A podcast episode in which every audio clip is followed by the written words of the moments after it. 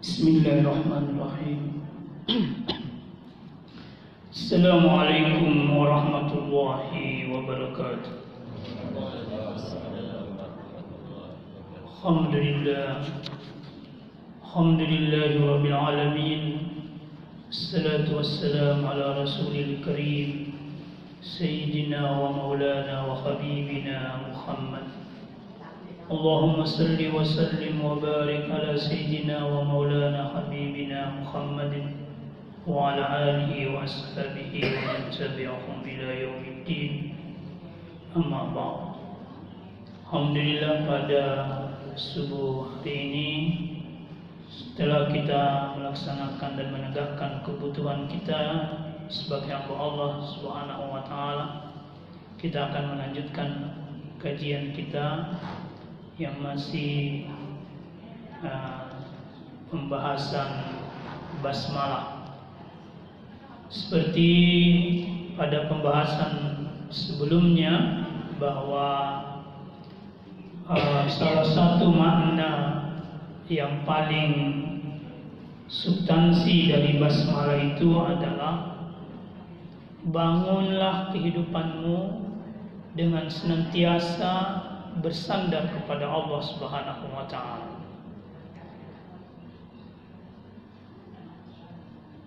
Bentuk atau makna kebersandaran itu seperti kita sudah jelaskan sebelumnya itu dimaknai pada atau dipahami pada makna huruf.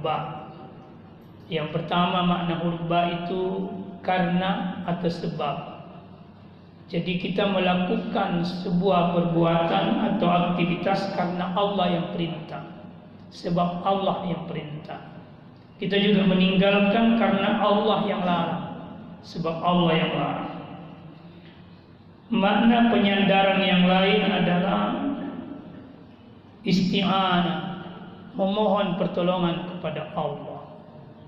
Makna yang ketiga daripada penyandaran itu adalah ma Allah, senantiasa bersama dengan Allah atau musahabah atau melabasah.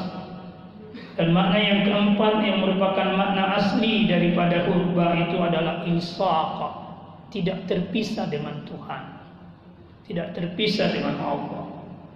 Kalau empat makna penyandaran ini hadir dalam diri kita ketika kita beraktivitas apa pun bentuk aktivitas itu mulai yang kecil sampai yang paling besar maka insya Allah kita akan hidup dalam keberkahan atau tabarruk kita akan memperoleh keberkahan hidup dan salah satu makna terdalam dari keberkahan hidup itu adalah ubudiyah. Semua apa yang kita lakukan sudah bernilai penghambaan kepada Allah Subhanahu wa taala. Pada kesempatan ini saya ingin menjelaskan lebih dalam apa filosofi daripada bersandar kepada Allah.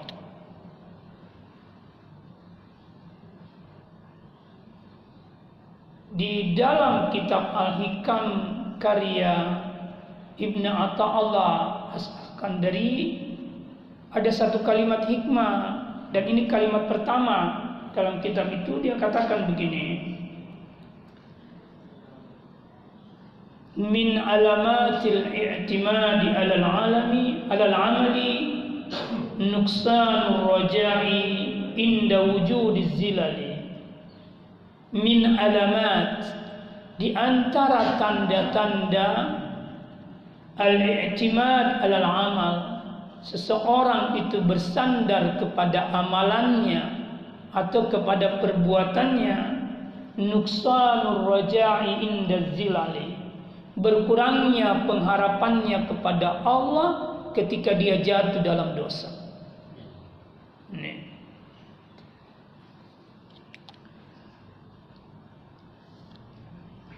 Apa maksudnya ini? Saya kasih contoh yang mungkin kita alami, Bapak sekalian. Kalau Bapak lagi rajin-rajinnya beribadah kepada Allah, menguat tidak harapan Bapak untuk masuk surga? Ada perasaan begitu? Hah? Atau menguat tidak harapan kita untuk dapat pahala? Ada ya Pak? Ya. Oke. Tapi kalau Bapak berbuat dosa, berkurang dah harapan itu untuk masuk surga?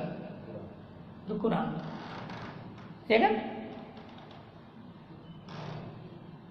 Kalau itu yang terjadi, itu pertanda kita masih bersandar pada perbuatan kita. Itu pertanda kita masih bersandar pada perbuatan kita. Itu yang dimaksud oleh kalimat ini.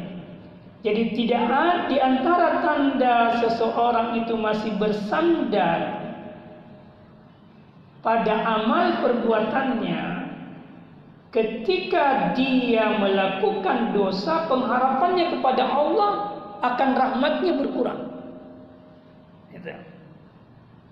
seperti itu kira-kira tapi pada saat dia melakukan amalan-amalan kebaikan itu bertambah pengharapannya kepada Allah itu bertambah kuat. Ini kira-kira. Kalimat ini, kalimat hikmah ini sesungguhnya mengisyaratkan makna larangan untuk bersandar kepada amalan kita. Larangan untuk bersandar kepada diri kita. Pertanyaannya, mengapa kita tidak boleh bersandar kepada diri kita dan amalan kita? Dan kenapa kita harus hanya bersandar kepada Allah? Itu pertanyaannya. Nah, jawabnya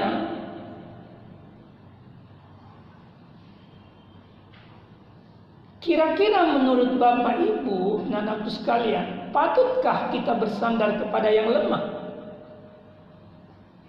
Pantaskah kita bersandar kepada yang hina, yang lemah? Hmm? Atau kita harus bersandar kepada yang kuat dan maha kuat. Tentu semua orang akan menjawab yang disandari itu harus menjadi yang yang kuat dan maha kuat. Karena kalau orang bersandar kepada yang lemah dan rapuh, maka ketika dia bersandar kepada yang lemah dan yang rapuh itu, Ketika yang ditempati bersandar itu sudah roboh, maka yang ikut bersandar juga menjadi jatuh. Ya kan? Tapi ketika orang bersandar kepada sesuatu yang kuat, yang tidak pernah roboh, yang tidak pernah lemah, maka apa yang bersandar itu juga akan jatuh? Tidak. Nah sekarang pertanyaannya, siapa yang kuat dan siapa yang maha kuat? Hanya Allah. Maka sandarkan seluruh hidupmu dan seluruh urusanmu kepada yang Maha Kuat, yakni Allah Subhanahu wa taala. Jangan bersandar kepada yang lemah. Karena kalau kita bersandar kepada yang lemah, yang lemah itu hancur, maka kita juga mengalami kehancuran sebagai yang ber, yang bersandar. Itu salah satu jawabannya. Ya. Kemudian jawaban yang lain kenapa kita harus hanya bersandar kepada Allah Subhanahu wa taala dan tidak bersandar kepada amalan kita.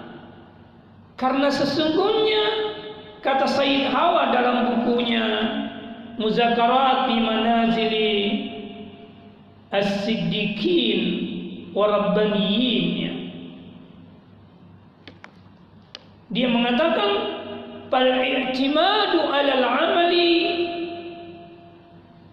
yuladu gururan wa ujub wa ajaban wa ujuban.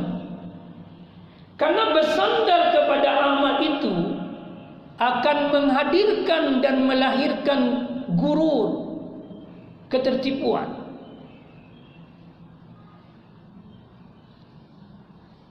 wa ujub dan juga sikap ujub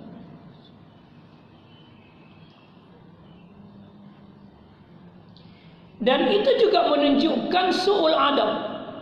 Bersandar kepada perbuatan kita itu sudah menunjukkan bahwa kita itu buruk adab kepada Allah. Ini. Sekarang pertanyaannya, apa yang dimaksud gurur di situ? Ketertipuan atau sesuatu yang buruk itu? Orang yang bersandar kepada amalannya ujungnya dua dan semua ujung ini hina. Pertama, kalau orang itu bersandar kepada Allah lalu dia dalam bersandar kepada dirinya sendiri. Jadi orang yang bersandar kepada dirinya sendiri atau amalannya ujungnya dua dan dua-duanya buruk. Yang pertama adalah ketika dia beramal atau melakukan sebuah aktivitas lalu kemudian dia berhasil maka ujung dari keberhasilannya itu dia akan mengatakan hebat memang Tuhan. Ini, ya kan? Itu artinya kesom, sombong. Sebaliknya kalau dia gagal beramal, tidak berhasil apa yang dia lakukan, apa ujungnya? Dia akan putus, putus asa. Ini. Jadi kalau dia gagal dalam amalannya dia pun putus asa. Ini dua ujung dari sandaran kepada amal yang dua-duanya hina. Tidak ada orang sombong yang mulia. Tidak ada juga orang putus asa yang mulia. Orang yang sombong maupun putus asa dia hina. Maka kesombongan berujung dalam kehinaan, keputusasaan pun berujung dalam kehinaan. Nah, apa obatnya dua penyakit ini Bapak sekalian? Dua kerendahan ini hanya satu obatnya. Bersandar kepada Allah. Itu saja obatnya, tidak ada obat yang lain.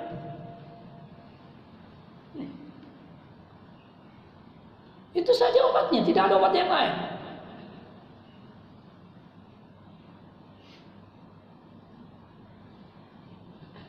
Orang yang bersandar kepada Allah, kalau apa yang dia lakukan itu berhasil,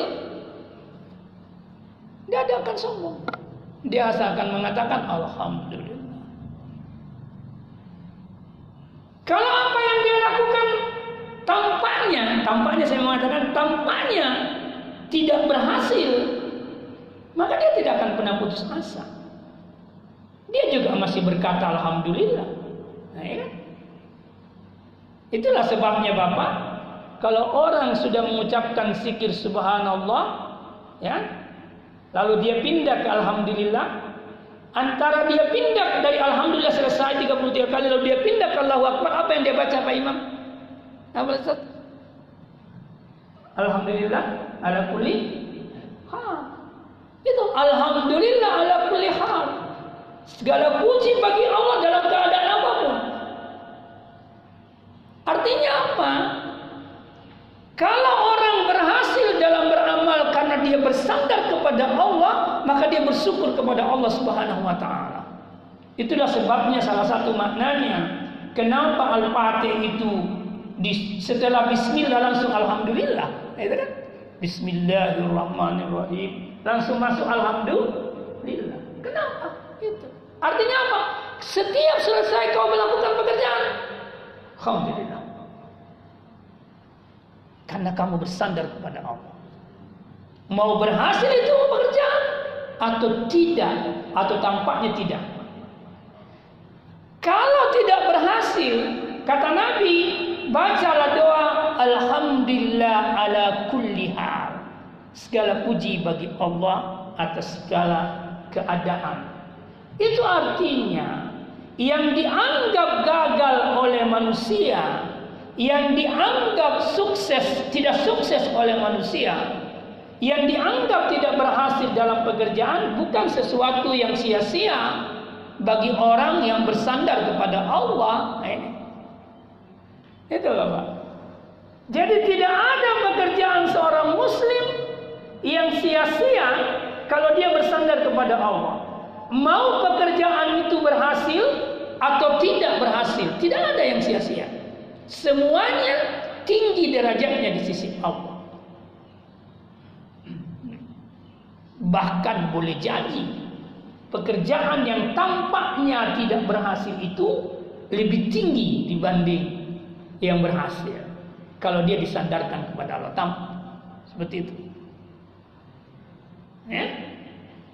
Jadi kalau orang bersandar kepada Allah tidak ada yang sia-sia. Saya kasih contoh gini.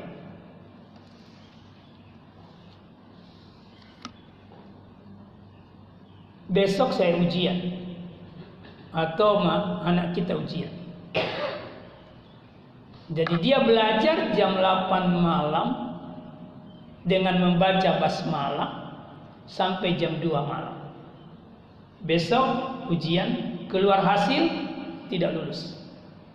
Tapi tadi dia baca bis Bismillah dengan kesadaran tadi. Kemudian temannya dia belajar tanpa basmalah. Dia belajar eh, kuantitas belajarnya sama. Kualitas belajarnya sama. Belajar jam 8 sampai jam 2 malam. Ujian lulus. Menurut Bapak, yang mana yang berhasil dan mana yang gagal? Yang ke Nah, itu sudah beliau mengatakan yang baca bismillah. Tentu dalam kacamata kita orang yang belajar dengan basmalah tapi ujungnya tidak lulus, dia gagal dalam ujian. Tapi perbuatan dia mulai dari baca basmalah sampai dia belajar sampai dia selesai ujian sampai keluar pengumuman itu tidak sia-sia. Tidak sia tidak sia-sia. Itu bernilai di sisi Allah.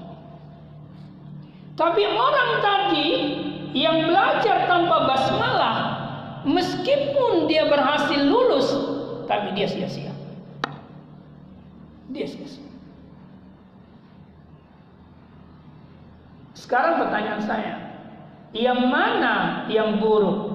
Yang sia-sia atau yang bernilai? Hah? Yang sia-sia. Itu. Kalau sia-sia tidak ada nilainya sama sekali. Kalau gagal itu masih bisa bernilai di sisi Allah. Ini yang harus kita tanamkan sama anak kita. Ya. Jadi selama kita sudah bersandar kepada Allah, selesai. Selesai. Nih. Ya.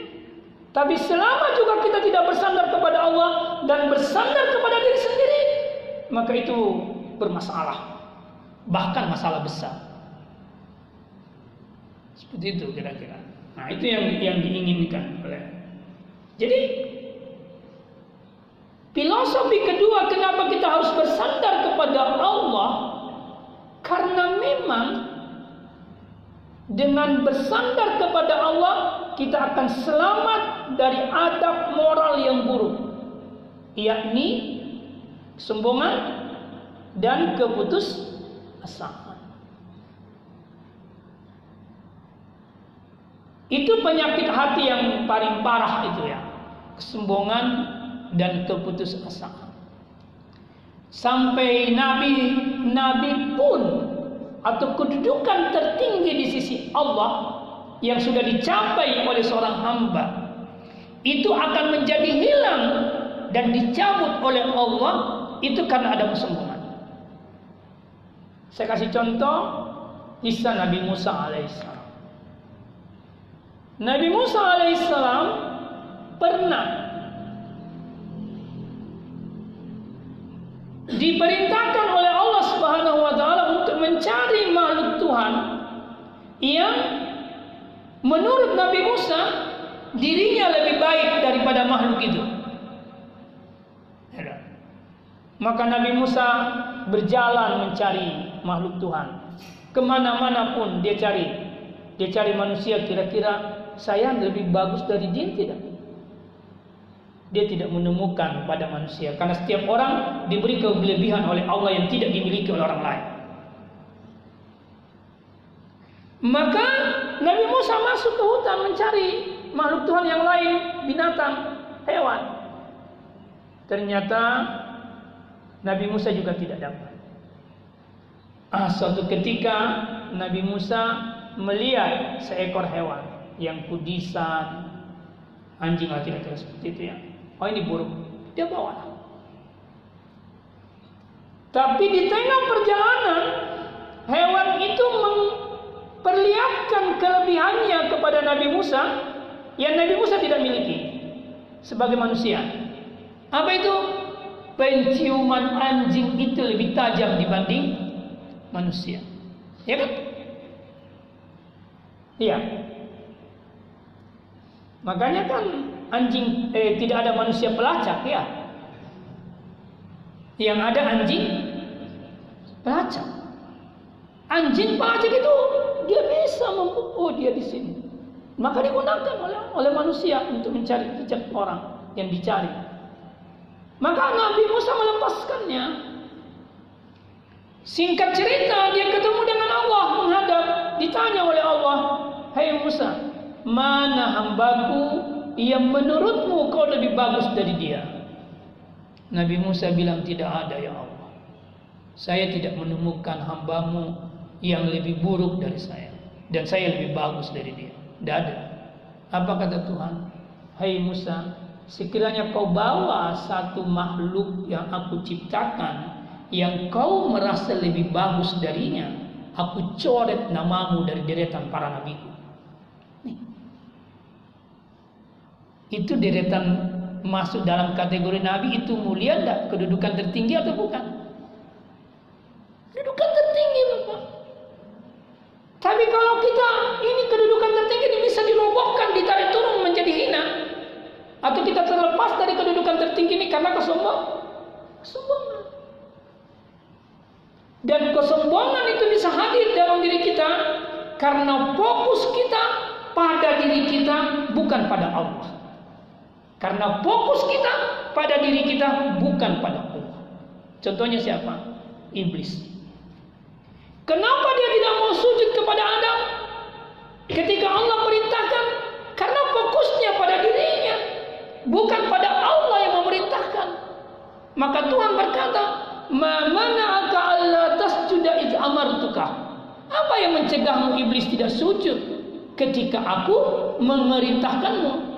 Mestinya iblis itu fokusnya kepada siapa yang perintah dia untuk sujud, jangan fokus kepada Adam yang dia tempati sujud. Dan jangan fokus pada dirinya. Kalau dia fokus pada Allah, maka dia sujud. Maka tidak ada alasan untuk tidak mengikuti perintah Tuhan kalau sudah diperintahkan dan meninggalkan larangan Tuhan kalau sudah dia, dia larang. Karena Tuhan tidak pernah ditanya apa yang dia perbuat. Kita yang ditanya apa yang kita perbuat. Jadi lakukan saja apa kata Allah. Tinggalkan apa yang dilarang. Itu namanya bersandar. Itu puncak bersandaran. Nah. Berbeda dengan malaikat. Kenapa malaikat sujud? Karena fokusnya pada Allah. Allah yang perintah. Dia tidak fokus kepada Adam. Kalau dia juga fokus pada Adam dan fokus pada dirinya, sangat mungkin malaikat tidak sujud. Apa buktinya?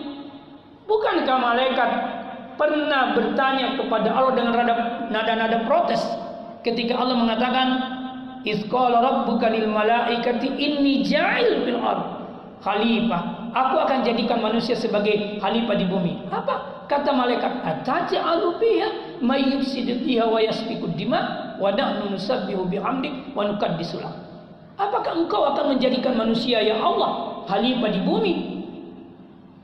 Mereka yang menumpahkan darah, mereka yang saling membunuh. Wa nahnu, nah ini, wa nahnu sedang kami jadi malaikat lagi membandingkan dirinya dengan manusia.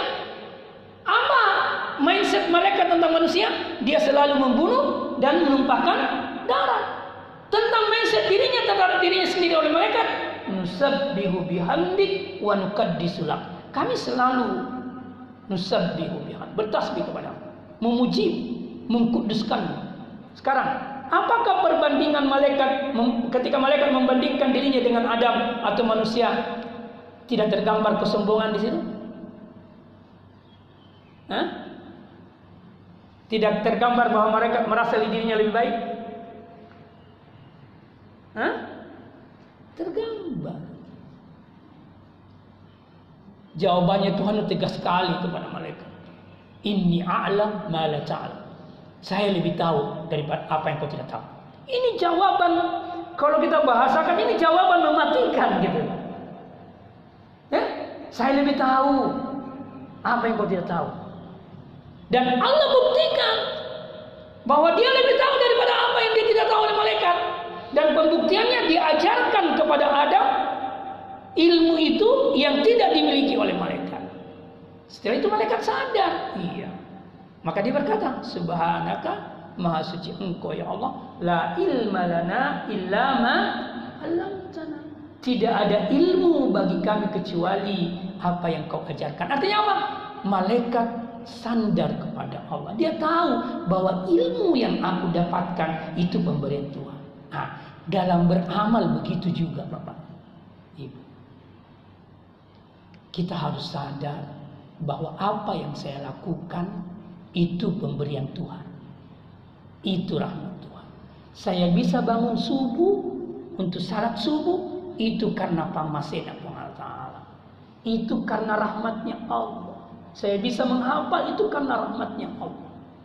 Maka jangan pernah sombong karena itu. Karena keberhasilan kita taat kepada Allah. Semuanya karena rahmatnya Allah. Maka wajar kalau ada hadis yang mengatakan la yudhilal jannah la yudhila ahadukum. Amaluhu jadi la yudhila ahadakum amaluhu al jannah. Tidak dimasukkan seseorang di antara kalian karena amalnya. Atau bukanlah amalnya yang menyebut memasukkan seseorang di antara kalian ke dalam surga, bukan. Tapi Tuhan mengatakan, "Qalu," lalu para sahabat bertanya, "Wala anta ya Rasul?" Termasuk engkau ya Rasul? Bukan amalmu yang menyebabkanmu menyebabkanmu masuk surga. Qala Rasul bersabda, "Wala ana." Termasuk saya. Lalu lalu Nabi berkata, "Illa ayyatagammadani Allah bimaghfiratin wa rahmah." Kecuali Allah telah memberikan kepadaku, menganugerahkan kepadaku ampunannya dan rahmatnya Artinya apa? Yang menyebabkan orang masuk surga bukan karena amalannya, bukan. Yang menyebabkan orang masuk surga karena ampunannya Allah dan rahmatnya Allah, bukan amalan kita. Saya kasih contoh konkret. Saya bilang sama anak saya yang umur lima tahun. Nah, kalau kau dapat orang miskin, bersedekahlah. Lalu diam-diam saya masukkan uang 10 ribu di dalam kantongnya. Ya kan? Ya kan? Tanpa dia tahu. Saya masukin. Sekarang. Setelah dia masuk, dia berjalan. Ketemu dengan orang miskin. Dia kasih dia uang 10 ribu. Kira-kira siapa yang beri dia kekuatan untuk bisa memberi orang miskin itu 10 ribu? Dirinya sendiri atau saya? Eh? Saya yang kasih motivasi, saya yang ajar dia, saya pula yang kasih uang di kantongnya. Bukan dirinya, saya. Begitu juga Allah. Dia yang kasih kita dorongan untuk beramal, oke? Okay? Dia yang kasih kita kemampuan untuk beramal. Dia yang kasih kita alat untuk beramal, yaitu tangan dan sebagainya. Dia yang kasih kita rezeki dalam beramal, semuanya dari Allah bukan dari kita. Lalu bagaimana kita mengaku itu perbuatan saya atau bersandar kepada perbuatan saya, perbuatan kita? Semuanya dari Allah kok. Ini.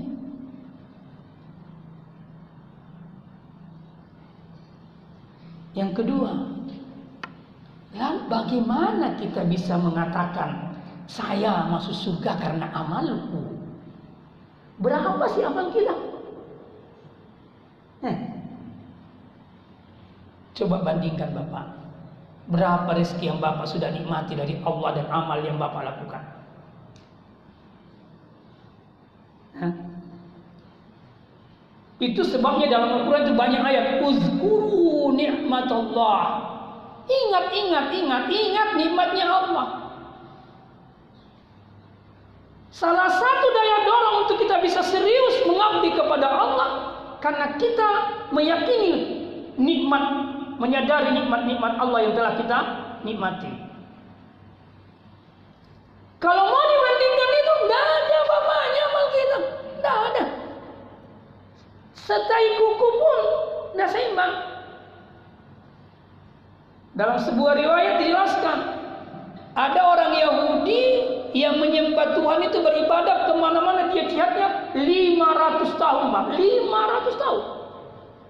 Kemudian dalam dewa itu jelaskan Allah beritakan ke malaikat, malaikat masukkan hambaku ini ke dalam surganya, surgaku karena rahmatku.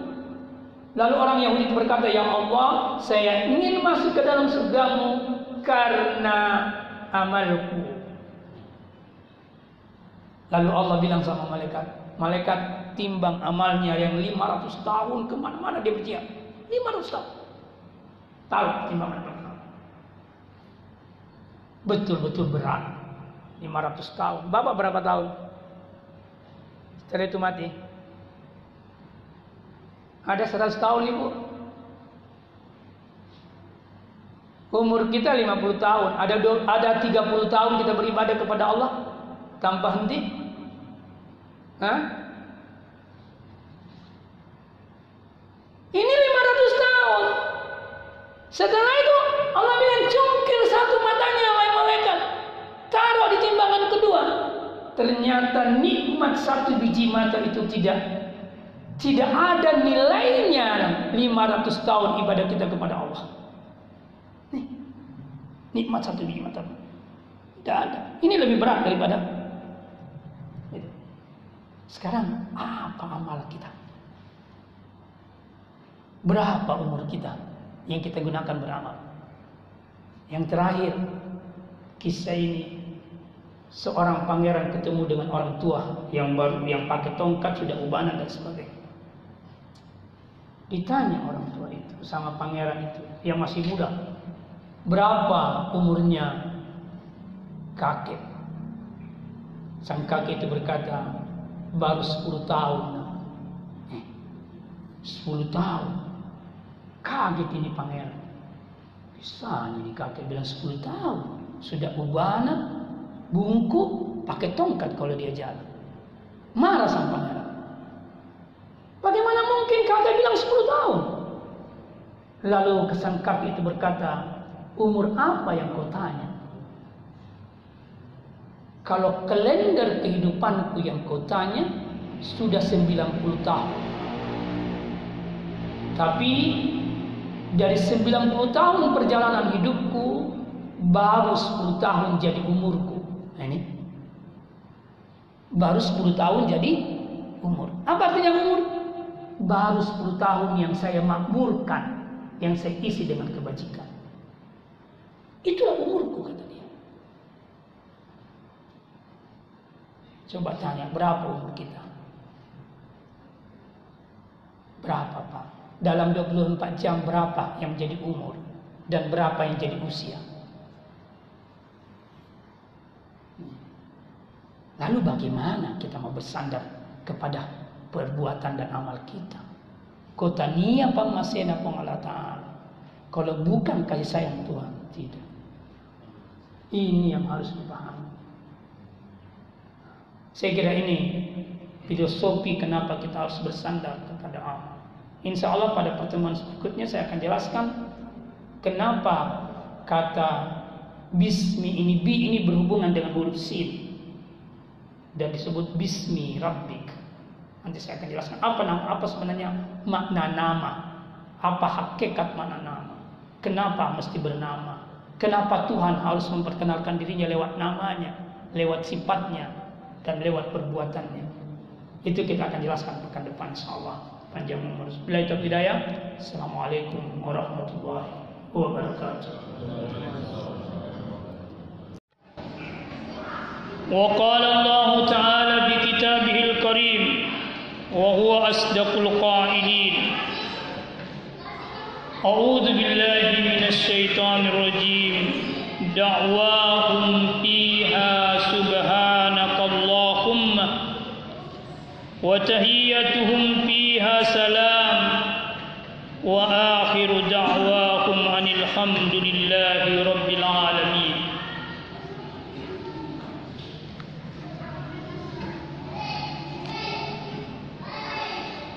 Salah satu tujuan dari kehidupan yang ingin dicapai oleh manusia bahkan seluruh manusia baik yang beragama maupun yang tidak beragama itu adalah keselamatan. Keselamatan itu ada tiga kalau kita lihat dari sisi tempat dan waktu. Yang pertama adalah keselamatan ketika kita dilahirkan dan hidup di dunia. Yang kedua, keselamatan ketika kita mengalami kematian dan berpindah ke alam barzah. Dan keselamatan yang ketiga adalah keselamatan ketika kita dibangkitkan dari alam barzah ke alam akhirat. Dua keselamatan yang saya sebutkan terakhir itu ditentukan oleh keselamatan yang pertama. Jadi kalau orang selamat ketika dia hidup di dunia, maka insya Allah dia akan selamat ketika dia mengalami kematian dan pindah ke alam barzah. Dan dia akan selamat ketika dia dibangkitkan di alam akhirat. Tapi kalau dia tidak selamat di alam dunia ketika dia hidup di dunia ini maka tidak ada juga keselamatan baginya di alam barzah apalagi di alam akhirat Pemahaman ini dijelaskan di dalam ayat ketika Allah berfirman Assalamu alayya yawma wulidtu wa yawma amutu wa yawma ub'adhu hayya. Keselamatan atasku kata Nabi Isa Allah anugerahkan kepadaku ketika aku dilahirkan dan hidup di dunia wa yauma amutu dan ketika aku mati di hari matiku dan keselamatan ketika aku dibangkitkan di hari kemudian. Keselamatan yang sama diberikan kepada Nabi Yahya alaihi salam. Assalamu alaihi yauma wulida. Keselamatan atas Nabi Yahya alaihi salam ketika dia dilahirkan dan hidup di dunia wa yauma yamut ketika dia meninggal. Wa yauma yub'atsu hayya dan ketika dia dihidupkan di alam akhirat. Seluruh nabi dijamin keselamatannya oleh Allah Subhanahu wa taala pada tiga tempat waktu dan ruang ini. Selain nabi dan rasul tidak ada jaminan. Sekarang pertanyaannya apa yang kita harus lakukan untuk sampai meraih keselamatan ini? Ya. Itu pertanyaan yang harus kita jawab. Sekiranya Bapak sekalian, ajal kita menjemput saat ini, apa kita dalam keselamatan? Itu pertanyaannya. Tidak ada yang jamin untuk itu. Ya. Ah. Keselamatan ini itu adalah salam penghormatan kata assalam ya.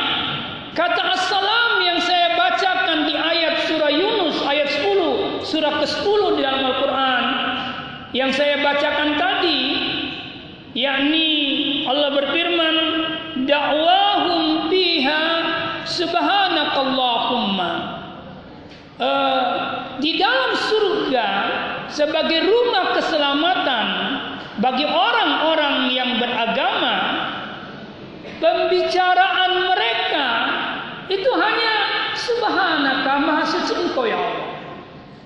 Wa tahiyatum fiha dan salam penghormatan di antara mereka itu hanya assalam alaikum keselamatan atas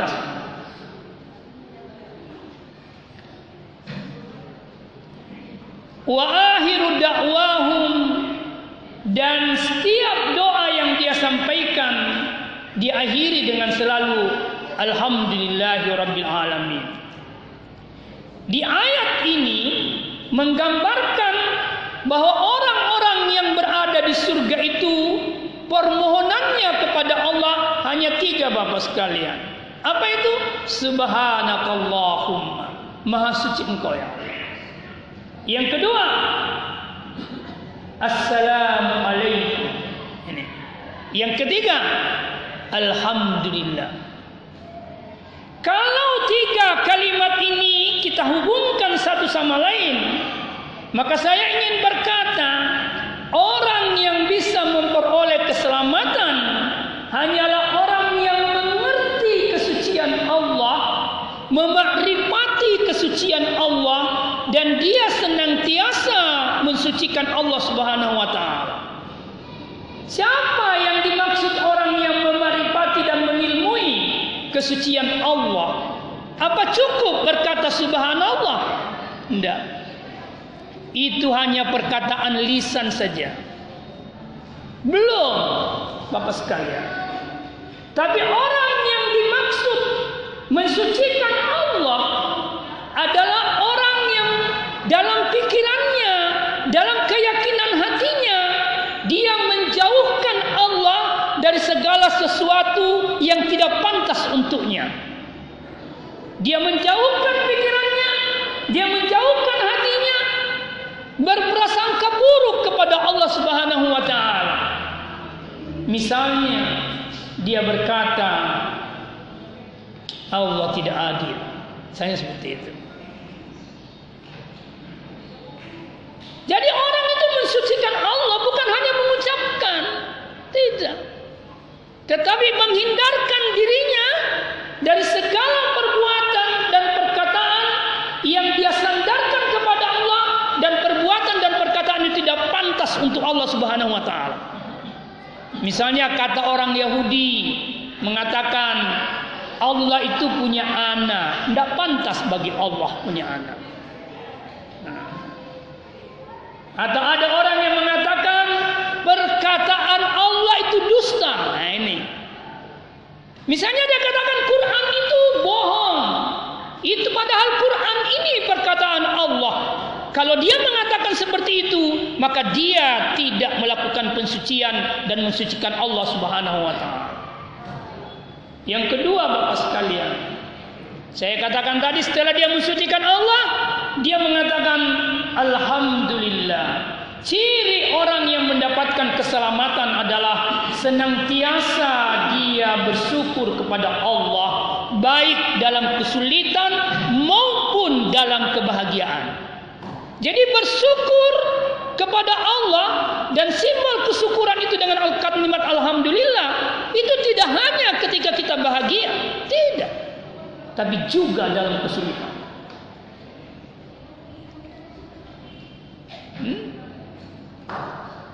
Kata Nabi, kalau kamu dianugerahi Tuhan ujian kebahagiaan, maka berkatalah alhamdulillah.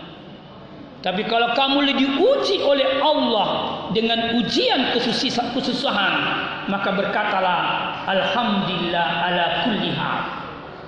Itulah sebabnya kenapa kalau kita berzikir subhanallah 33 kali, lalu kita berpindah ke alhamdulillah 33 kali, dari perpindahan kalimat alhamdulillah ke kalimat Allahu akbar, ada kalimat di situ walhamdulillahi ala kulli hal.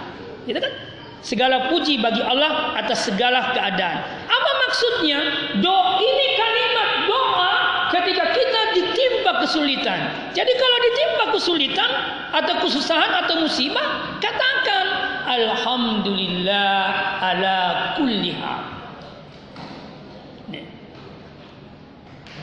Bahkan cucu Rasul namanya Imam Ja'far Sadiq. Ketika dia ditimpa musibah, dia berdoa kepada Allah. Apa doanya? Dia mengatakan, Alhamdulillahilladzi lam yaj'al musibati fi dini.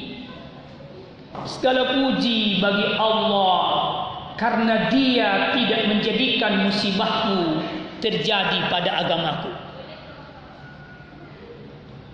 Kalau kita cermati kalimat ini, doa ini bagi Imam Ja'far orang suci seperti dia, enggak musibah-musibah yang lain itu dia tidak hiraukan. Yang dia hiraukan dan paling dia takutkan ketika musibah itu terjadi pada agamanya. Imam Ali pernah berkata, "A'samul masaib musibah terbesar adalah kematian agama. Kematian agama, Bapak. Dimaksud orang yang mati agamanya dalam kehidupan? Orang yang mati agamanya dalam kehidupan adalah orang yang tidak menegakkan agama ketika dia hidup. Kalau Bapak baca di dalam surah Ar-Rum ayat 100 ayat 43, di situ tegas sekali perintah Tuhan. Kata Allah, Fa'akim wajhaka lidinil qayyim qabla an ya'tiya la maraddalah min Allah. Kata Tuhan, tegakkanlah agama Allah yang lurus sebelum datang kepadamu hari yang kamu tidak tolak. Hari apa yang dimaksud oleh Allah? Yakni hari yang paling dekat yang dimaksud hari kematian kita masing-masing. Dan yang kedua, hari kiamat. Jadi Tuhan seakan-akan berkata, Hei mujahid, tegakkan agamamu sebelum kau mati.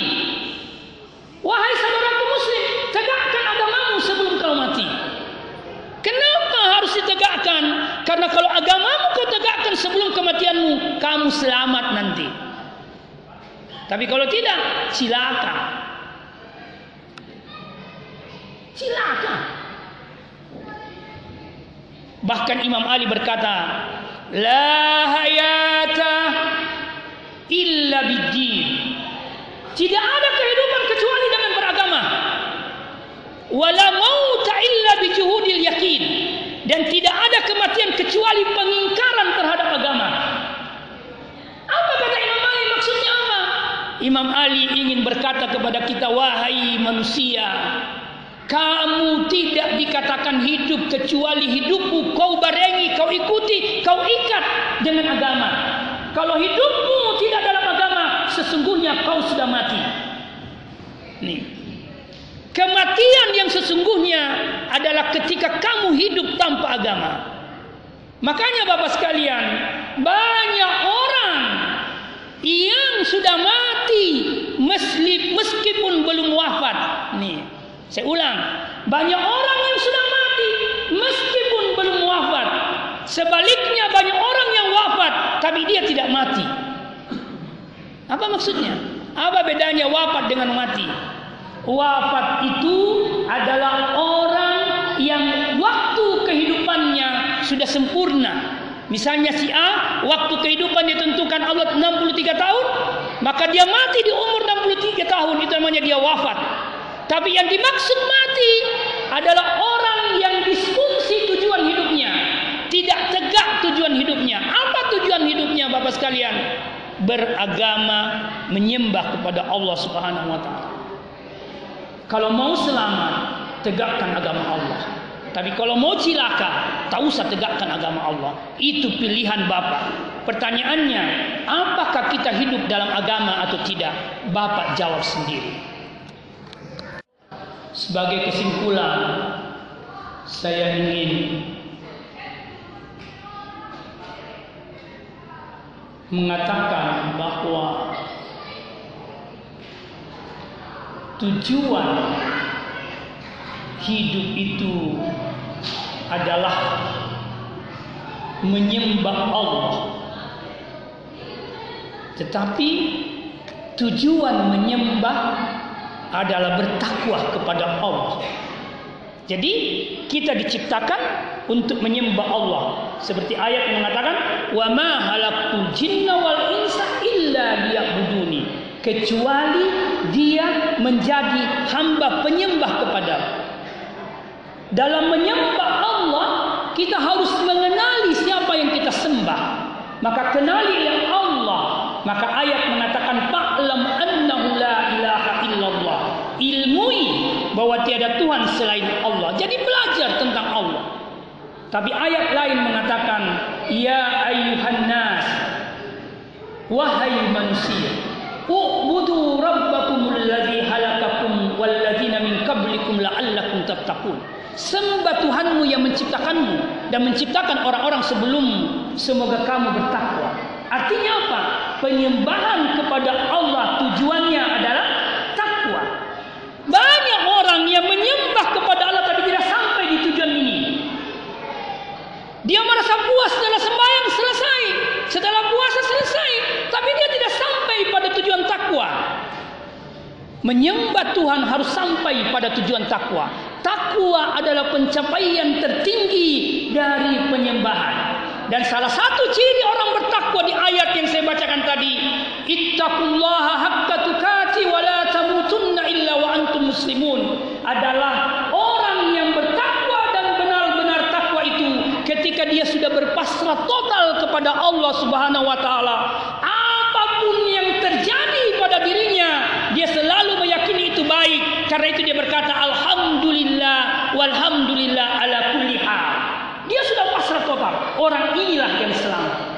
Orang seperti inilah yang selamat. Maka di situ wala tamutunna jangan kau mati kecuali engkau sudah berserah diri kepada Allah atau jangan kau mati kecuali kau jadi muslim yang sudah selamat. Jadi sebelum mati selamat memang bagi Bapak sekalian. Bagaimana caranya? Hidupkan agama sesempurna mungkin. Bapak, di dalam surah Ar-Rum tadi Allah tidak bilang hal Allah bilang tegakkan agamaku, tegakkan agama yang lurus. Allah tidak bilang jadikan dirimu kaya sebelum kau mati. Allah tidak bilang begitu. Allah tidak bilang cari jabatan yang tinggi sebelum kau mati. Allah tidak bilang begitu. Allah tidak bilang sehatkan tubuhmu sebelum kau mati. Allah tidak bilang begitu.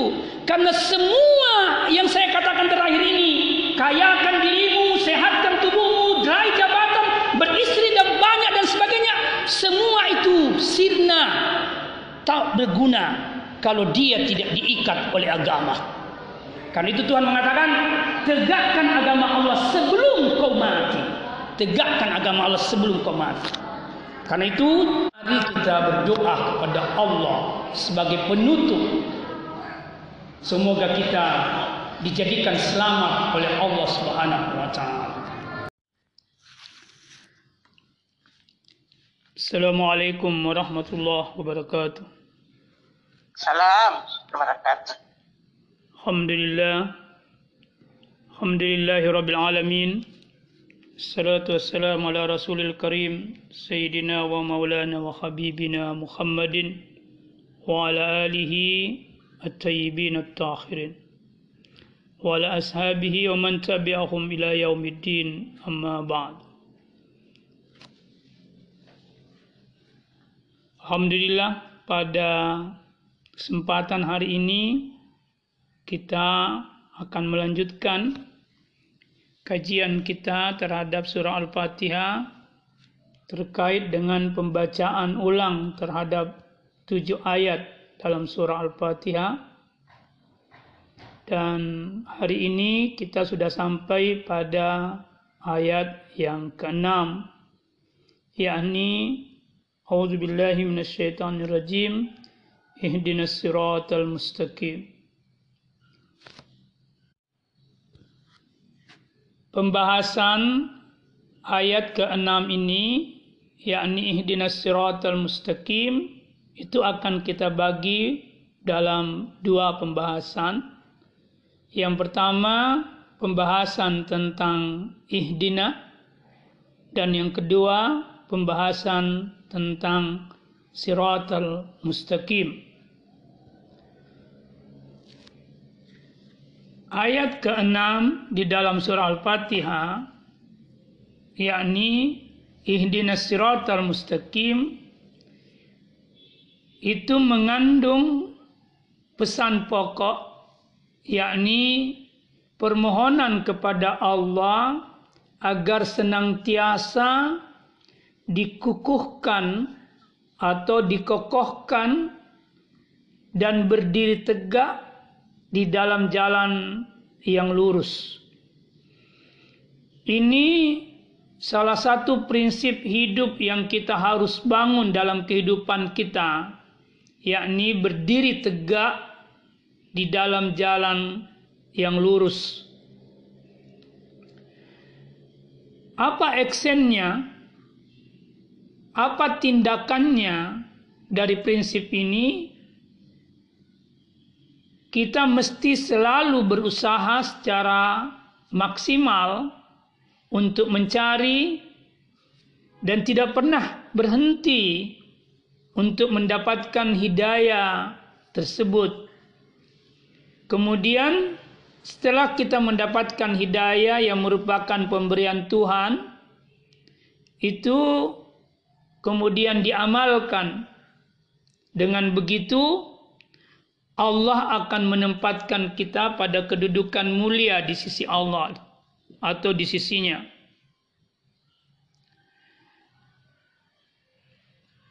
Makna pokok yang kedua yang dapat dipahami dari kata atau ayat ihdinas siratal mustaqim ini adalah bahwa hidayah yang tertinggi atau permohonan doa yang tertinggi adalah berdiri kokoh atau berdiri tegak di dalam jalan yang lurus.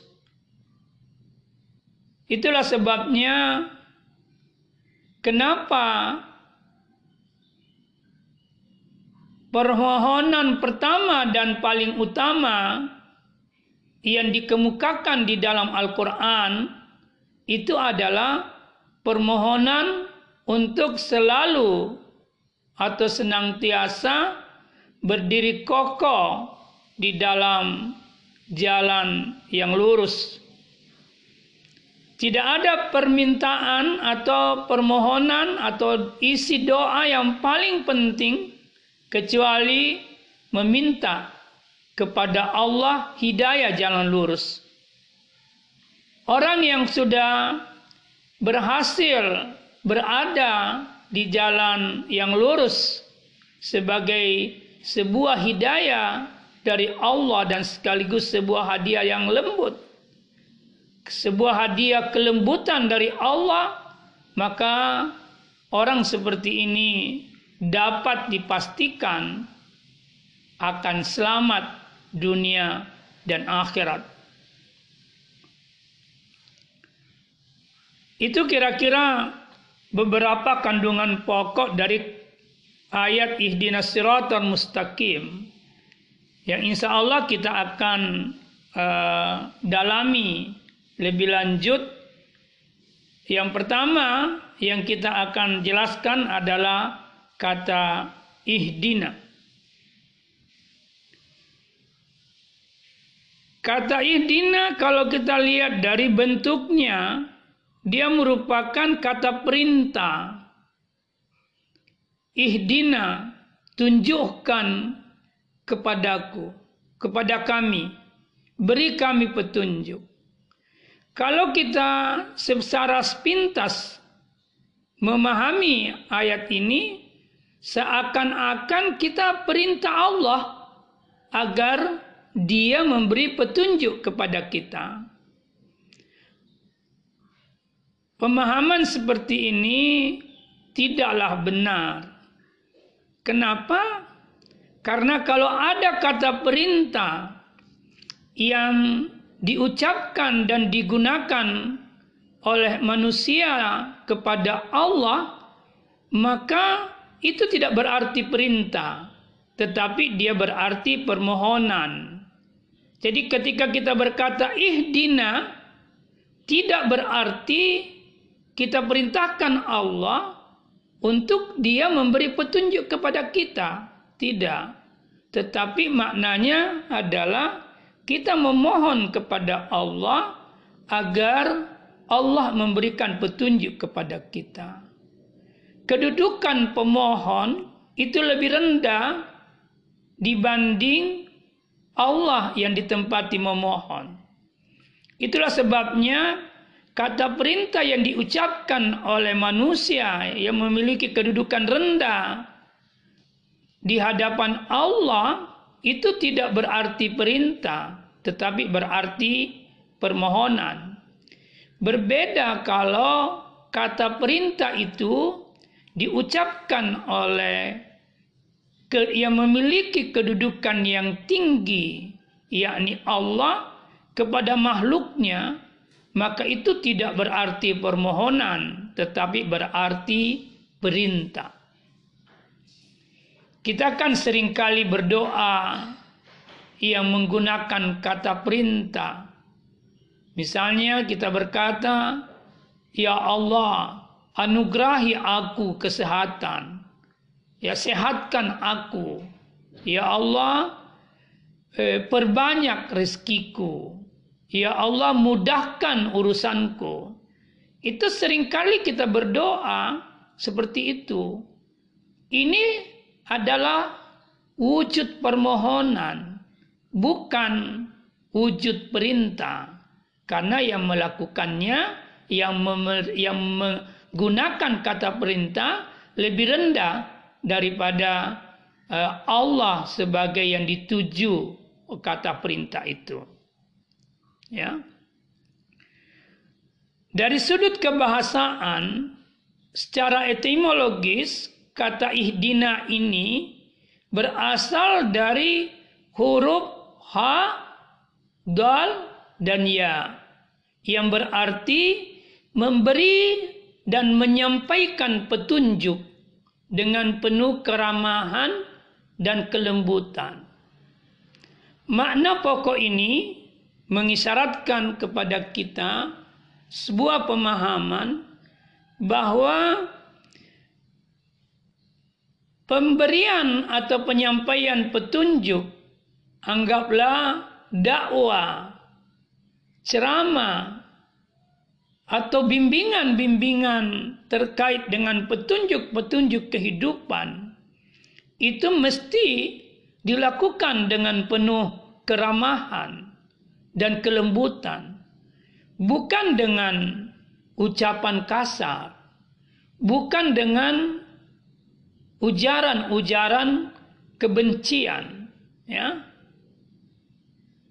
Dengan begitu, kalau kita berdakwah atau menyampaikan petunjuk atau mengajarkan petunjuk kepada seseorang, maka orang itu akan menerima dengan baik tetapi kalau kita melakukannya dengan ujaran-ujaran yang penuh dengan kebencian, maka orang itu akan menolak petunjuk yang kita sampaikan meskipun petunjuk itu adalah sebuah kebenaran. Jadi penerimaan seseorang atas petunjuk yang kita sampaikan kepadanya itu sangat ditentukan oleh eh, cara yang ramah, cara yang lembut. Sebagaimana misalnya kalau kita memberikan hadiah kepada seseorang yang kita cintai, kita akan memberinya dengan kelembutan dan keramahan. Tidak ada orang yang betul-betul memberikan hadiah kepada seseorang yang dia eh, beri hadiah itu dengan kebencian, tidak ada. Karena bukanlah hidayah atau hadiah namanya kalau pemberian itu berdasarkan kebencian. Bahkan sebaliknya, kebencian itu akan mencegah orang untuk memberikan hadiah kepada orang yang dibencinya. Ya. Lebih jauh dari sudut kebahasaan, Eh, kalau kita cermati penggunaan kata ihdinas ihdina ini atau kata hidayah di dalam Al-Quran itu ada dua bentuk. Yang pertama penggunaan kata ihdina atau kata hidayah yang dikaitkan dengan kata siratal mustaqim tanpa menggunakan huruf jar ilah, tanpa menggunakan kata ilah atau huruf ilah. Pada ayat yang lain, dia menggunakan kata atau huruf jar ilah. Misalnya ayat yang kita baca ihdinas siratal mustaqim. Di sini kata ihdina tidak diikuti oleh kata ilah ketika dia di, eh, dikaitkan dengan siratal mustaqim. Tetapi pada ayat yang lain dia menggunakan kata ilah.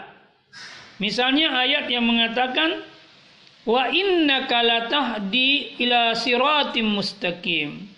Dan sesungguhnya engkau Muhammad sungguh-sungguh telah memberikan petunjuk ke jalan yang lurus. Di sini menggunakan kata ilah, ila siratin mustaqim. Apa perbedaannya antara kata hud hidayah atau kata hudan atau kata ihdina yang menggunakan kata huruf jar atau yang diikuti kata huruf jar atau yang tidak diikuti kata huruf jar. Kalau kata ihdina itu diikuti oleh huruf jar, itu mengisyaratkan makna bahwa orang yang diberi petunjuk belum berada di dalam petunjuk tersebut. Oleh karena itu, ia mesti menerima dan tidak boleh menolak petunjuk tersebut agar ia segera masuk ke dalam ruang petunjuk atau ke dalam petunjuk-petunjuk tersebut. Berbeda kata kalau kata ihdina tanpa huruf jar itu memberikan konotasi makna bahwa orang yang diberi petunjuk sesungguhnya telah berada pada petunjuk tersebut. Namun belum ia sampai pada puncak dari tujuan petunjuk atau dia belum mencapai hakikat petunjuk itu sendiri. Oleh karena itu, dia mesti terus berusaha, berusaha maksimal untuk menambah petunjuk-petunjuk itu agar segera mencapai tujuan tertinggi dari sebuah petunjuk. Ya. Apa tujuan tertinggi dari sebuah petunjuk? Itu kita akan jelaskan kemudian. Ha.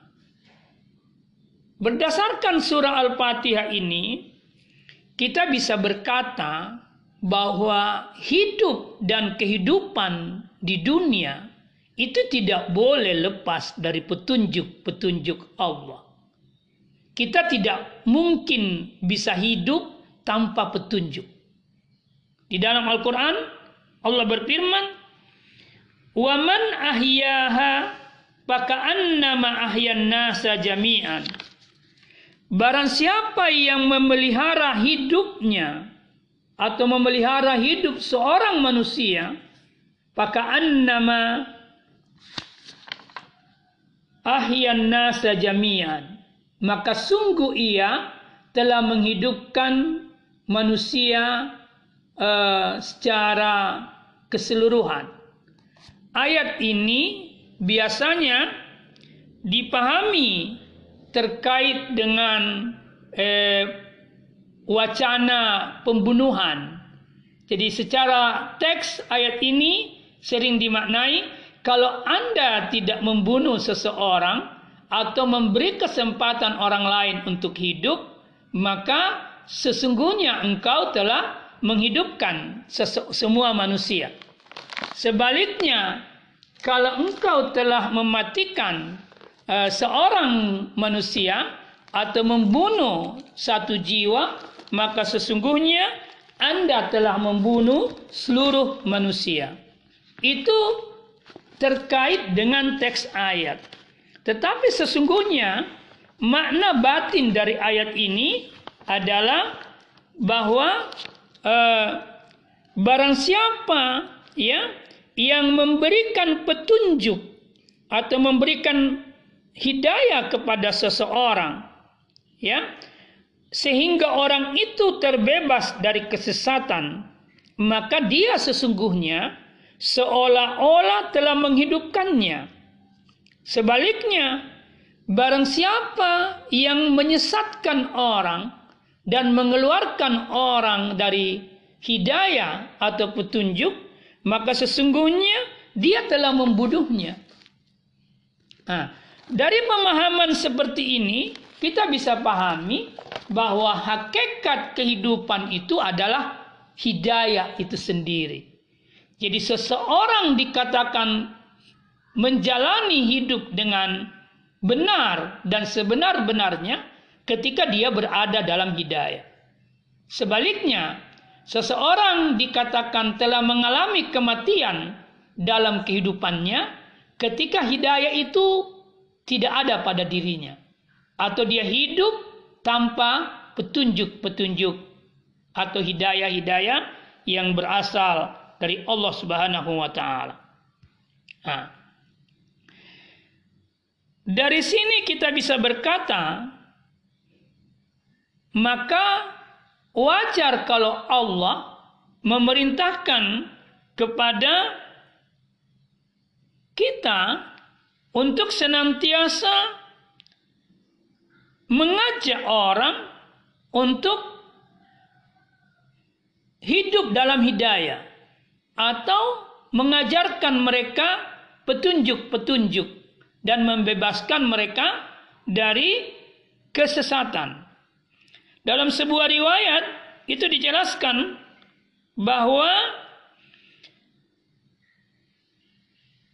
Rasulullah Shallallahu Alaihi Wasallam pernah mengutus Amirul Mukminin Ali bin Abi Talib ke Yaman dan beliau bersabda kepadanya. Dia berkata, Ya Ali, la tu la tukattalanna ahadan hatta tad'uahu. Janganlah engkau membunuh mereka sehingga engkau mengajaknya kepada keimanan, kepada hidayah, kepada petunjuk. Wa ayyamullah Allah ala yadai. Dan demi Allah, jika seseorang mendapatkan petunjuk melaluimu, ya, khairun laka mimma talaat alaihi samsu wa garabat walaka walaahu ya Ali. Kata Nabi, hal itu lebih baik bagimu dari segala kebaikan sejak matahari terbit hingga terbenam. Dan kecintaan mereka akan tertanam kepadamu, ya Ali. Jadi al, al, eh, Rasul berpesan kepada Ali, karamallahu wajah, agar tidak membunuh seseorang di dalam peperangan, ya, misalnya, sehingga sebelum Ali mengajak mereka untuk beriman atau berislam, ya, dan sekiranya ajakan Ali ini diterima oleh musuhnya, maka itu bertanda bahwa Ali karamallahu wajah telah mendapatkan sesuatu yang sangat bernilai tinggi di sisi Allah karena dengan dia atau lewat dirinya seseorang mendapatkan petunjuk Allah Subhanahu wa taala. Nabi juga pernah berwasiat kepada seseorang yang meminta wasiat kepadanya. Orang itu berkata, "Wahai Rasul, berilah aku wasiat." Maka Nabi berkata kepadanya, Aku mewasiatkan padamu, hendaknya janganlah engkau menyekutukan Allah sedikit pun. Jangan berlaku syirik, jangan tenggelam dan jatuh dalam kemusyrikan, meskipun setipis apa pun. Lalu Nabi berkata, ajaklah manusia kepada Islam Dan ketahuilah bahwa sesungguhnya bagimu setiap orang yang menjawabmu dan mengikuti ajakan ajakanmu untuk dia berislam sama dengan engkau memerdekakan seorang budak dari anak-anak Yakub. Ini betapa tingginya pahala untuk mengajak orang untuk mendapatkan petunjuk atau hidayah.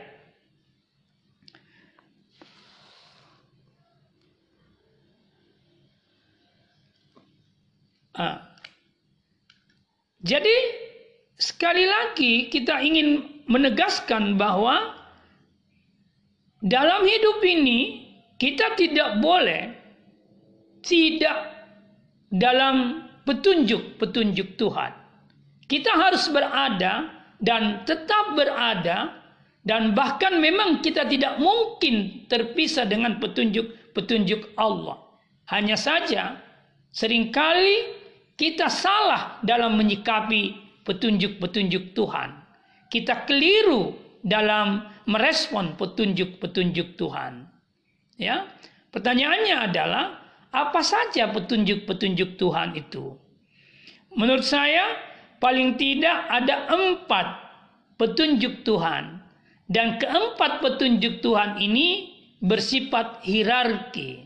Bersifat hierarki dia punya hubungan ketersembungan uh, mulai dari yang rendah sampai yang tinggi. Sekarang pertanyaannya, apa wujud petunjuk-petunjuk Tuhan itu? Yang pertama adalah petunjuk Tuhan berupa hidayah naluri dan indrawi. Hidayah naluri dan indrawi ini bersifat terbatas. Kemampuannya terbatas dan bersifat umum, yakni seluruh manusia bisa menemukannya, bisa memilikinya atau diberikan, termasuk hewan sekalipun. Ya.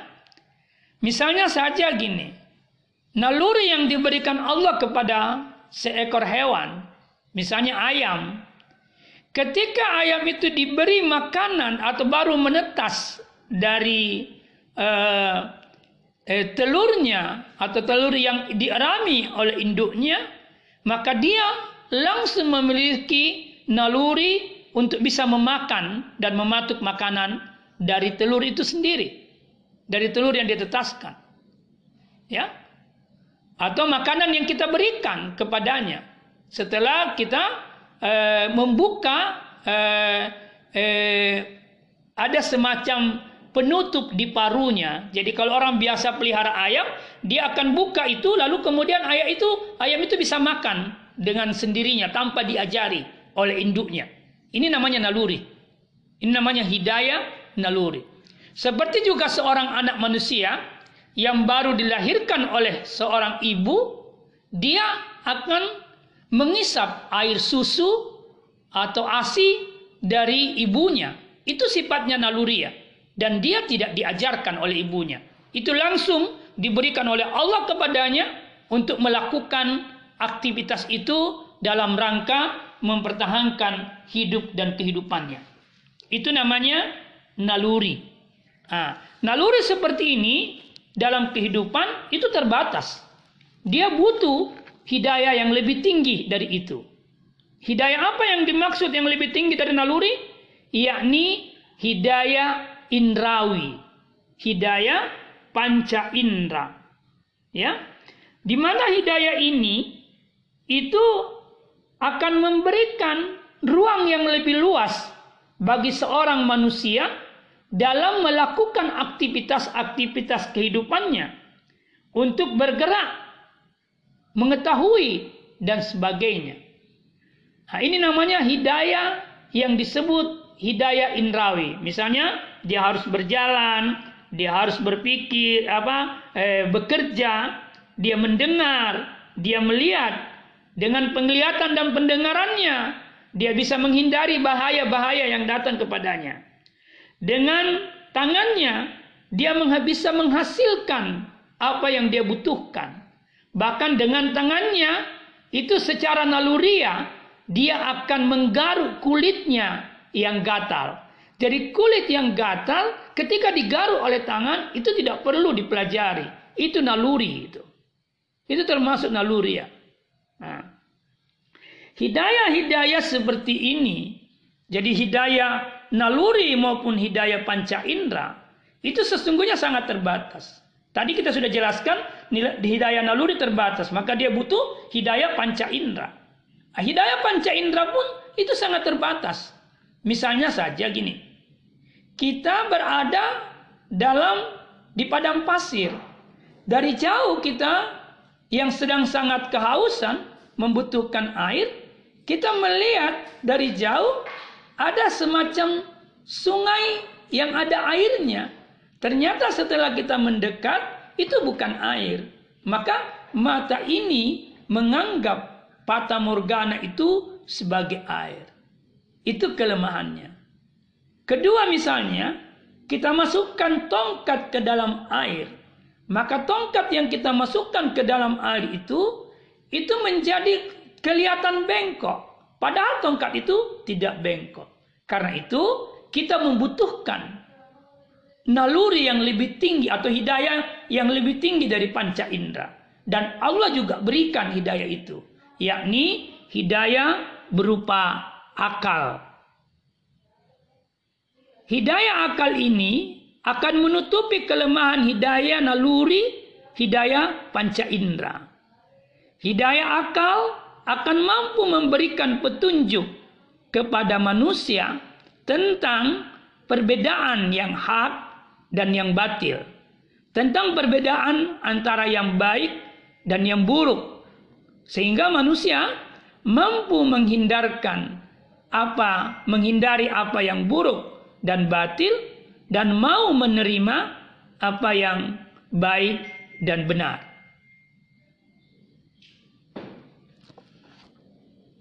Hidayah yang selanjutnya ya yang lebih tinggi lagi daripada hidayah akal adalah apa yang kita sebut dengan hidayah agama. Kenapa kita membutuhkan hidayah agama? Karena hidayah akal juga masih memiliki kelemahan dan belum sempurna.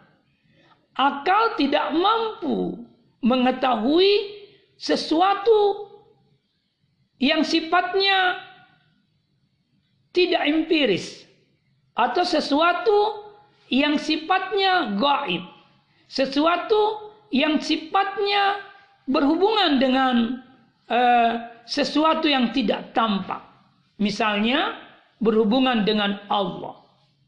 Itu tidak bisa di, ditempuh atau di, dipahami lewat akal atau diketahui lewat akal. Meskipun akal bisa mengetahui bahwa Tuhan itu ada, tapi bagaimana berhubungan dengan Tuhan yang diakui keberadaannya oleh hidayah akal itu hanya dapat dijawab oleh hidayah agama.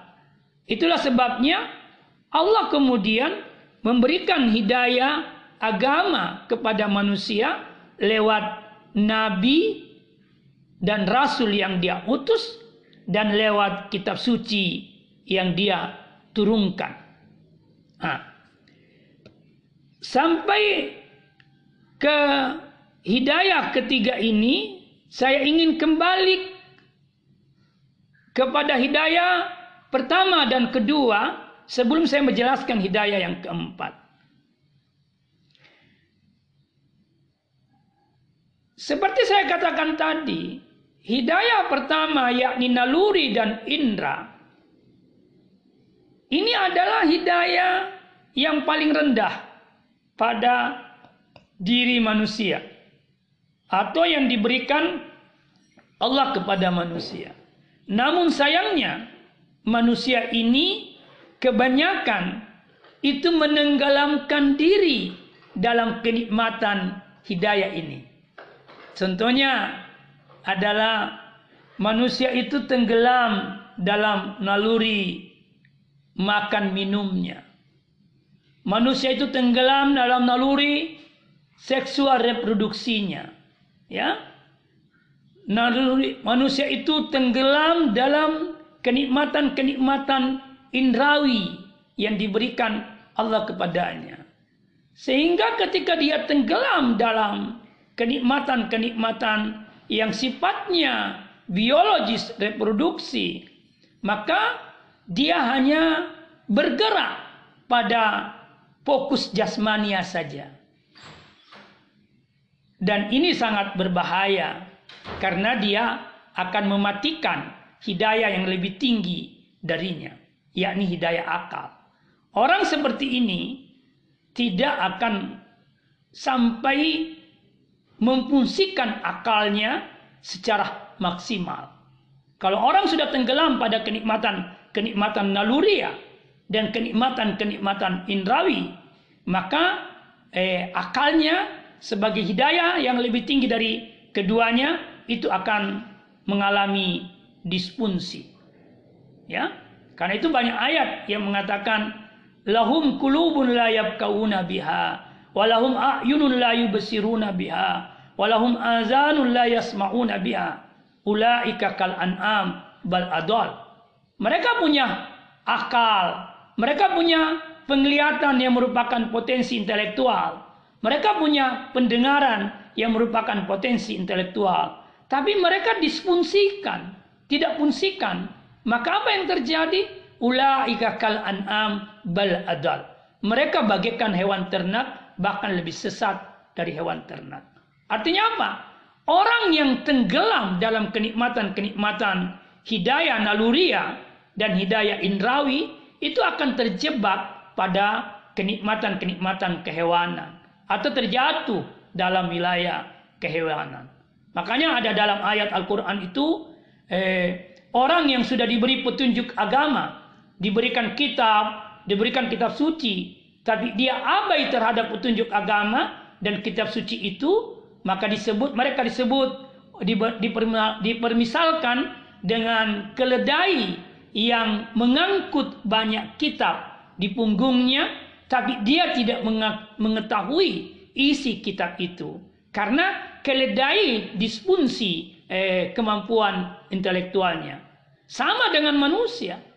Ketika dia diberi akal tapi akalnya tidak mengantarnya untuk mendapatkan petunjuk-petunjuk kebenaran tentang agama, tentang Tuhan, maka dia akan jatuh dalam eh, perilaku himar atau keledai tadi.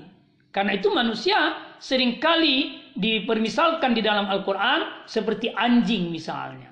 Seperti himar misalnya. Itu artinya apa? Mereka berhenti pada hidayah-hidayah yang rendah. Ya. Itulah sebabnya di Quran itu sangat banyak perintah untuk kita menggunakan akal kita semaksimal mungkin. Menggunakan hidayah akal kita untuk sampai kepada eh, eh, apa eh, hidayah yang lebih tinggi, yakni hidayah mengenali Tuhan atau hidayah mengikuti petunjuk-petunjuk yang disampaikan oleh Al-Quran dan Rasul Sallallahu Alaihi wa alihi Wasallam. Nah, karena itu pada hidayah akal itu bisa dibagi dua kelompok manusia, yakni hidayah akal ini eh, ada kelompok manusia yang jatuh pada eh, disfungsi akalnya, karena itu dia jatuh dalam kekafiran, dia jatuh dalam kemunafikan, dia jatuh dalam kepasikan. Maka banyak ayat mengatakan Orang yang jatuh dalam kezaliman, kepasikan itu eh, dia tidak mendapatkan petunjuk dari Allah Subhanahu wa taala. Allah berfirman, "Wallahu la yahdil qaumadz zalimin." Eh, Allah tidak memberikan petunjuk atau tidak memberikan hidayah kepada mereka yang zalim. Siapa yang mereka yang zalim? Yang disfungsi akal budinya. Dalam ayat lain dikatakan, "Inna wallahu la yahdil qaumal fasikin." Allah tidak memberikan petunjuk kepada mereka yang fasik, mereka yang pendurhaka. Nah, ini. Nah. Selanjutnya, eh, terkait dengan hidayah yang keempat, yang ketiga, yakni hidayah agama. Hidayah agama ini eh, menjadi perekat atau pengikat hidayah-hidayah sebelumnya. Artinya agama, artinya apa? Agama mesti eh, mengikat hidayah, naluri dan indrawi sehingga naluri dan indrawi itu bisa digunakan dengan baik dan benar. Begitu juga hidayah mesti diikat oleh hidayah akal mesti diikat oleh agama atau hidayah agama sebagai hidayah yang lebih tinggi darinya dengan begitu akal ini bisa bisa berfungsi dengan baik dan tidak mengalami disfungsi. Nah, karena itu Allah berkata di dalam Al-Quran secara tegas di dalam surah Ar-Rum. Ini sering kali saya jelaskan. Karena itu saya akan jelaskan hanya secara singkat saja yang lebih prinsipil sifatnya. Di dalam ayat ini Allah berkata, Fa'akim wajah dinil kayyim. Maka hadapkanlah wajahmu kepada agama yang lurus. Ini kata perintah akim. Tegakkanlah agamamu. Tegakkanlah agama Allah yang lurus. Jadi Allah memerintahkan kepada kita manusia untuk menegakkan agama atau hidayah agama ini dalam kehidupan kita. Lalu Tuhan berkata, "Min qabli ayyatiya yaumun la maraddalah min Allah." Sebelum datangnya suatu hari dari Allah yang tidak bisa kau tolak. Hari apa itu yang dimaksud? Ada dua pemahamannya. Yang pertama, hari yang masih jauh, yakni hari kiamat. Yang kedua, hari yang lebih dekat dari kita sebagai manusia yang hidup, yakni hari kematian kita. Hari kematian kita itu adalah kiamat kecil bagi setiap orang. Jadi ayat ini mengatakan menegaskan tegakkan agama yang lurus, hidayah agama Allah sebelum kiamat kecil datang menjemputmu. Nih. Yauma isin yasaddaun. Nanti pada hari kiamat orang akan terpisah-pisah satu dengan yang lainnya. Apa yang menjadi garis pemisah? Yakni agama atau hidayah agama. Jadi di hari kemudian yang menjadi garis pemisah antara manusia itu adalah agama atau hidayah agama. Yang menegakkan agama akan dikumpulkan dalam satu kelompok tertentu yang eh, eh, menentang dan mengingkari agama akan dikelompokkan juga dalam eh, kelompok tertentu. Kelompok yang menegakkan agama itu akan ditempatkan di surga Allah dan kelompok yang eh, meninggalkan agama akan ditempatkan di neraka Allah. Jadi ukuran kemuliaan dan kehinaan di hari kemudian itu adalah ukuran hidayah agama. Nah, seharusnya ukuran ini kita tarik ke dalam kehidupan dunia kita. Jadikanlah ukuran agama atau hidayah agama sebagai ukuran kemuliaan dan kehinaan kita. Kalau kita beragama dengan baik dan benar dan lurus, insya Allah kita akan menjadi mulia dalam hidup ini. Kalau kita tidak beragama dengan baik dan lurus, maka pada saat itu kita sudah jatuh dalam kerendahan dan kehinaan. Nah, seperti yang saya tadi katakan, dia terjebak pada hidayah naluri, dia terjebak pada hidayah indrawi, dan dia terjebak pada hidayah akal yang disfungsi, maka dia akan mengalami kehinaan. Semua hidayah yang kita sebutkan tadi, kalau dia tidak diikat oleh hidayah agama, maka dia berujung pada kehinaan dan kerendahan dan tidak akan berujung pada kemuliaan. Nah, saya ingin tegaskan lebih dalam perintah Pak Hakim wajah dinil kayyim. Tegakkanlah agama Allah agama yang lurus sebelum datang kematian. Menarik untuk didalami kalimat ini. Kita mungkin bisa bertanya ya, kenapa Allah tidak berkata, jadikanlah dirimu kaya sebelum ajal kehidupanmu sempurna atau sebelum wafatmu. Kenapa Allah tidak berkata, sehatkan tubuhmu sebelum kematian menjemputmu. Nah, kenapa Allah tidak berkata, Perkuat dirimu dengan keturunan yang banyak. Baik dari satu istri maupun dari banyak istri sebelum datangnya kematianmu. Kenapa Allah tidak berkata, raihlah jabatan dan status sosial tinggi dan dianggap mulia oleh manusia sebelum datangnya kiamat kecilmu. Allah tidak berkata seperti itu. Yang Allah katakan, tegakkan agama yang lurus sebelum datang kematian.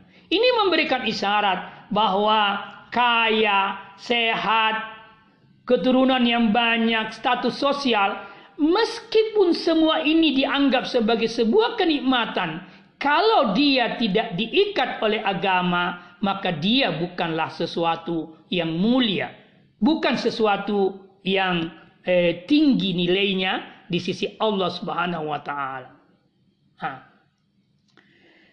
Karena itu, kalau mau hidupnya mulia, maka kokohkan dirimu di dalam hidayah agama.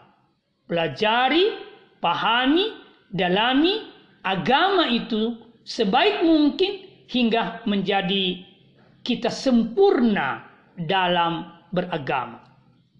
Nah, agama ini sendiri ternyata tidak semua manusia merespon hidayah agama ini dengan baik. Ada manusia yang merespon agama ini sebagai sebuah permainan atau sebuah sendagurau atau sebuah uh, uh, apa ya eh, lelucon saja. Bahkan mereka melakukan kegiatan-kegiatan pelecehan terhadap agama. Orang seperti ini uh, sangat hina di sisi Allah.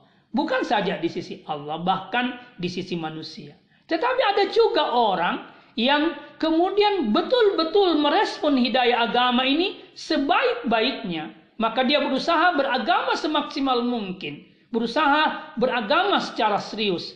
Inilah orang yang akan nanti mendapatkan hidayah tertinggi yang Allah berikan kepadanya. Hidayah apa itu? Hidayah tersingkapnya rahasia-rahasia Allah bagi orang yang mengamalkan agama sebaik-baiknya. Siapa mereka? Mereka itu adalah para nabi dan rasul dan para wali-wali Allah. Ini tingkatan tertinggi dalam eh, hidayah. Karena itu sekali lagi paling tidak kalau kita tidak dan tidak mungkin kita jadi rasul karena rasul sudah ditutup yaitu Nabi Muhammad Wasallam maka ada orang yang eh, tingkatan menjadi wali boleh mungkin sangat mungkin bisa kita capai tetapi kalaupun kita tidak mencapai derajat itu karena itu adalah derajat yang sangat tinggi dan Allah anugerahkan kepada orang-orang terpilih di antara hamba-hambanya ha? maka paling tidak kita termasuk orang muridnya para wali. Atau kita hidup eh, dengan gaya dengan cara hidup para wali. Kita mengerti ilmu para wali. Kita belajar pada mursid-mursid yang memberikan petunjuk eh, bagaimana hidup para wali? Bagaimana eh, hidup dalam zikir dan ingat kepada Allah? Bagaimana salat yang baik dan benar? Paling tidak kita menjadi pengikut-pengikut mereka atau pembelajar-pembelajar mereka atau paling tidak kita sering berkumpul dengan mereka. Saya ingin tegaskan sekali lagi, sungguh hidup ini akan menjadi sia-sia kalau kita tidak bersuhbah atau bergaul dengan orang-orang uh, yang uh, ketika kita melihatnya eh, dia mengantar kita kepada Allah Subhanahu wa taala. Sungguh kita merugi kalau kita tidak bersuhbah atau bergaul atau berteman dengan orang-orang yang perkataannya selalu mengantar kita kepada Allah Subhanahu wa taala. Sungguh rugi kita bergaul dengan orang-orang yang perkataannya mengantar kita jauh kepada Allah. Ketika kita bersamanya justru kita melupakan Allah Subhanahu wa taala. Ini bukan teman yang baik. Ini bukan teman bergaul yang benar. Teman bergaul yang benar kata Ibnu Allah bersuhbalah atau bergurulah, bertemanlah, bersahabatlah dengan orang-orang yang ketika engkau melihatnya, engkau connect dengan Tuhan. Ketika engkau mendengarkan kata-katanya, engkau bertambah ilmumu tentang Tuhan. Itu dijelaskan dalam hadis Nabi. Muhammad sallallahu alaihi wasallam. Ha. Yang terakhir yang saya ingin sampaikan terkait dengan hidayah ini uh, adalah uh, Rasulullah sallallahu alaihi wasallam uh, pernah bersabda dan ini sabda yang sangat indah untuk dicermati. Dia katakan, "Aku telah diutus sebagai seorang dai dan mubalik." Ha. Tidaklah aku memiliki sesuatu otoritas pun untuk memberi hidayah. Begitu juga iblis diciptakan untuk menghiasi perbuatan-perbuatan dosa manusia, tapi tidak ada baginya kemampuan untuk menyesatkan. Nah, apa yang kita pahami dari hadis Nabi ini terkait dengan hidayah ini? Bahwa sebenarnya hidayah itu Allah telah turunkan. Tinggal kita mau atau tidak mengambilnya. Nabi pun hanya menyampaikan hidayah, tapi dia tidak sanggup mengantar orang untuk masuk ke dalam hidayah tadi ha, dengan dirinya sendiri tanpa izin Tuhan. Sesungguhnya yang bisa memberikan orang hidayah dan berada dalam hidayah atau petunjuk itu hanyalah Allah seperti firman Allah dalam Al-Quran, Inna la tahdi man ahbabta, walakinna Allah yahdi man yasha, wa huwa a'lamu bil muhtadin. Sesungguhnya engkau Muhammad tidak mampu atau tidak dapat memberi petunjuk kepada siapa yang engkau cintai. Walakinna Allah yahdi man yasha, tetapi Allah lah yang memberikan petunjuk kepada siapa yang dikehendakinya. Pertanyaannya, siapa yang dikehendakinya? yang dikehendaki oleh Allah adalah yang menghendaki hidayah itu sendiri. Kalau orang menghendaki hidayah itu sendiri, maka itu pertanda Allah menghendaki dia mendapatkan hidayah. Kalau dia menolak hidayah itu sendiri, maka itu juga pertanda bahwa Allah tidak menghendakinya dia berada dalam hidayah. Maka Allah mengatakan, wa huwa a'lamu muhtadin. Allah lah yang tahu siapa yang mendapatkan hidayah atau orang yang eh, al-muhtadun. Nah, maka Rasulullah mengatakan, saya sendiri tidak mampu, tidak punya otoritas untuk memberikan hidayah. Saya hanya menyampaikan hidayah sebagai penyampai dan pemubalik. Begitu juga iblis sebagai penggoda, dia tidak mampu menyesatkan manusia. Dia tidak mampu menyesatkan manusia. Dia hanya membisikkan eh, godaan-godaan kesesatan. Tergantung manusia mau ikut atau tidak. Kalau dia ikut, maka dia tersesat. Kalau dia menolak, maka dia dalam hidayah.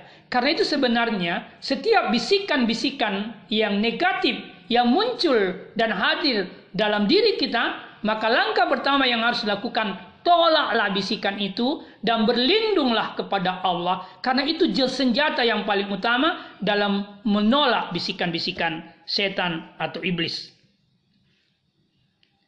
Dalam hadis yang lain Nabi juga bersabda dan Allah berfirman, ini hadis kutsi, dia mengatakan ibadi hambaku kullukum dal semua kalian ini sesat illa man hadaituhu. Kecuali orang yang aku telah beri petunjuk. Wa kullukum fakir.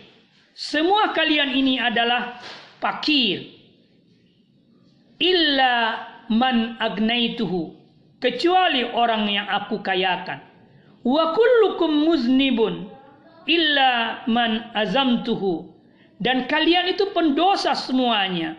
Kecuali orang yang aku telah berikan penjagaan agar tidak jatuh dari dosa. Apa makna dari hadis yang kita eh, bacakan ini? Allah ingin berkata kepada kita, ambillah hidayahku, maka engkau terbebas dari kesesatan. Allah ingin berkata, berpegang teguhlah kepadaku, eh, kepada agamaku, kepada kitabku, ikutilah rasulku yang aku utus, bersandarlah kepadaku, engkau akan terbebas dari kepakiran dan engkau menjadi kaya. Orang yang kaya adalah orang yang tidak tergantung kepada makhluk dan hanya tergantung kepada Allah Subhanahu wa taala. Pesan yang ketiga dari hadis ini dia Allah berkata eh, jauhilah dosa. Jauhi taatlah kepadaku, dengan begitu engkau akan aku pelihara dari dosa dan kemaksiatan. Kira-kira itu yang saya ingin jelaskan terkait dengan eh, makna hidayah, ya, terkait dengan eh, makna hidayah. Semoga kita berada pada orang-orang yang senantiasa mendapatkan hidayah dan memperoleh puncak hidayah, ya. Amin ya rabbal alamin. Billahi taufiq hidayah. Assalamualaikum warahmatullahi wabarakatuh.